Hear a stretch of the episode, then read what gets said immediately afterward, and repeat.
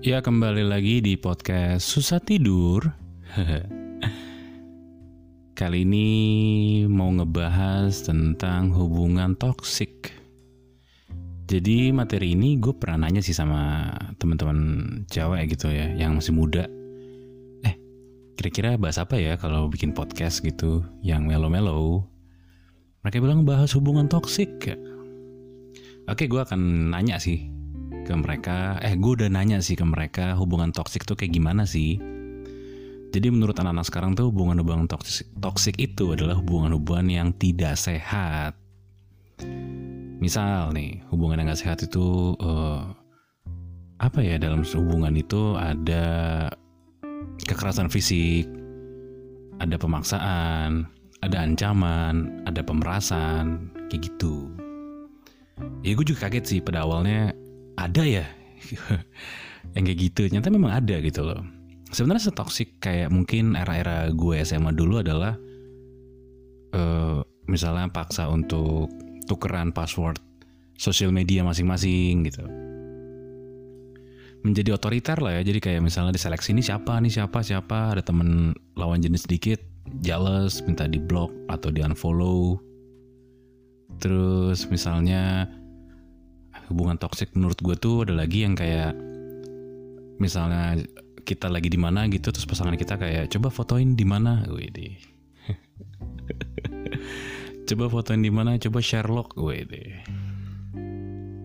lo tau gak sih? Faktanya adalah orang-orang kayak gitu tuh orang-orang yang toksik kayak gitu ya minta lo foto di mana lokasi di mana coba minta bukti segala macam itu mereka yang kebanyakan yang berselingkuh. Itu faktanya karena mereka insecure sama ya jadi tolak ukurnya adalah orang lain itu adalah diri mereka sendiri. Karena ya mereka insecure karena mereka melakukan itu. Menurut gue ya. Tapi gue yakin gue bener. Ya menurut gue kalau hubungannya kayak gitu ya udah udahan aja lagi. Karena hubungan tanpa rasa percaya buat apa? Yakin deh gue ya kalau misalnya lo punya pacar yang kayak gitu tuh 60% gue yakin itu dia selingkuhin lo. 60% ya. Karena gue nanya ke beberapa orang gitu ya rata-rata yang pasangannya gitu mereka yang pasangannya yang berselingkuh yang insecure gitu kan. Terus hubungan toksik, berikutnya adalah kekerasan fisik ya kayak misalnya mukul terus ya udah bermain fisik lah ya mukul terus apa namanya nyubit nyakar iya cowok ada yang nyakar tapi menurut gue cowok yang bermain fisik dengan cewek itu gue bisa pastikan 90% dia itu ya gimana ya nggak layak lah ya. Karena kalau misalnya lo sekali udah kena kekerasan fisik gue yakin ada akan ada 2, 3, 4, 5 sampai 10 lainnya.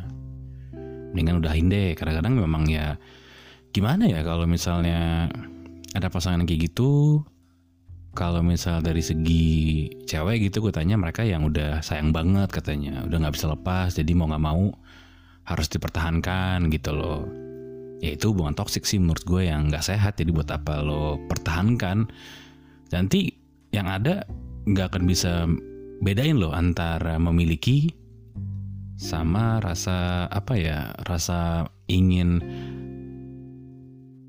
jadi rasa memiliki sama obsesi beda tipis tuh jadi itu karena kadang-kadang ada juga yang berpikiran pokoknya gue ngalah dulu nih siapa tahu gue bisa menak menaklukkan hati pasangan gue walaupun gue dipukulin gue dianatin ya nggak bisa gitulah nggak bisa nggak bisa.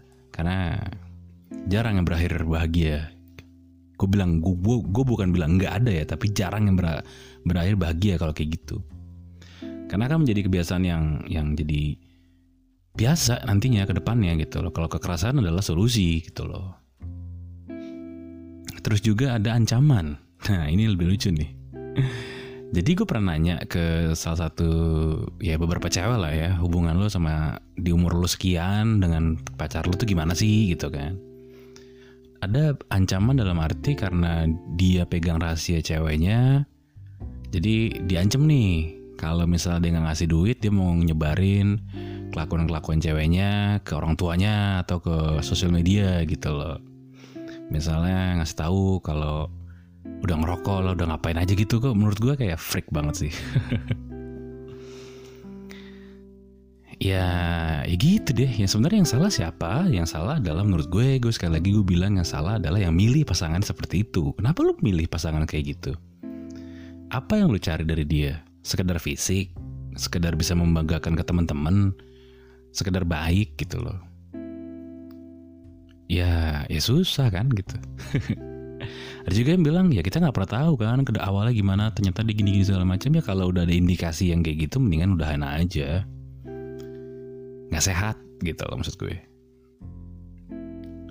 Ada juga ya yang tadi toxic tadi itu juga yang ngancam sama yang minjem minjem minjem duit minjem minta duit gitu. Ada ada ada. Padahal masih pacaran dan masih sekolah mungkin kampus mungkin karena ya sebagai pasangan juga kita kan gak enak untuk naginya lagi gitu ya. Namanya pacar pinjam duit gitu kan. Tapi lama-lama jadi kebiasaan.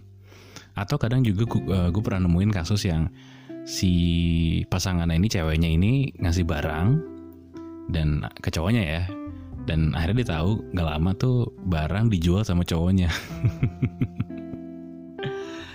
Aduh aduh aduh aduh apa yang kamu cari wahai ada suara apa gue kira suara apa sorry sorry kepotong Ya apa yang kamu cari wahai teman-teman? Ya gitulah ya. Karena menurut gue hubungan toksik itu hubungan yang sebenarnya harus lo hindari dari awal gitu. Karena kalau nggak akan jadi kebiasaan.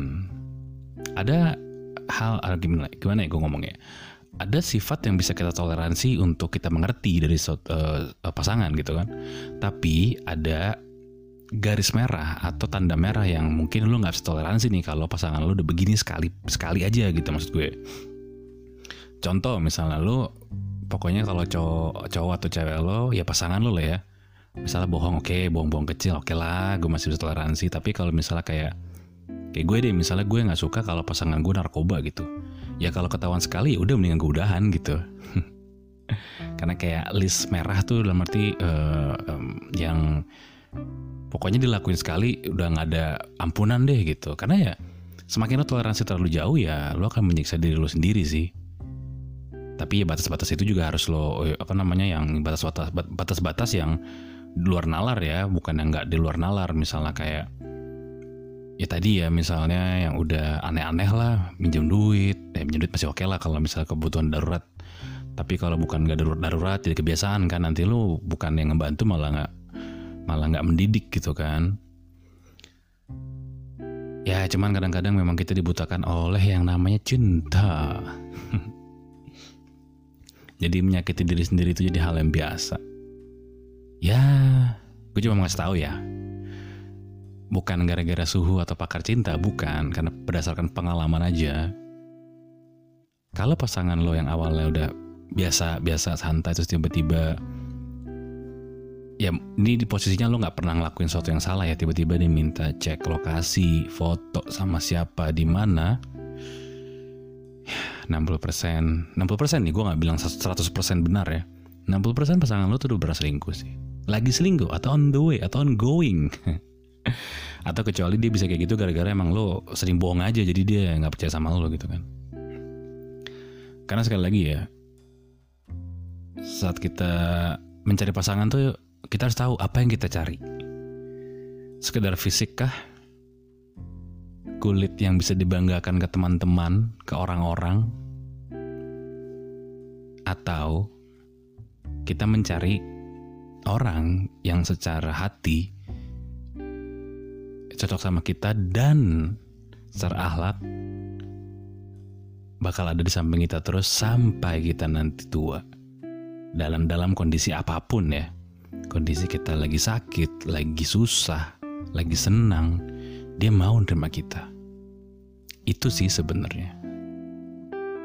Saat kita sedih ada tempat buat berbagi, saat kita senang ada yang bisa kita bagi. Gitu. Jadi buat teman-teman nggak apa-apa kalian single daripada kalian punya pasangan tapi malah nambah pikiran. Akhirnya kalian juga nggak tenang lagi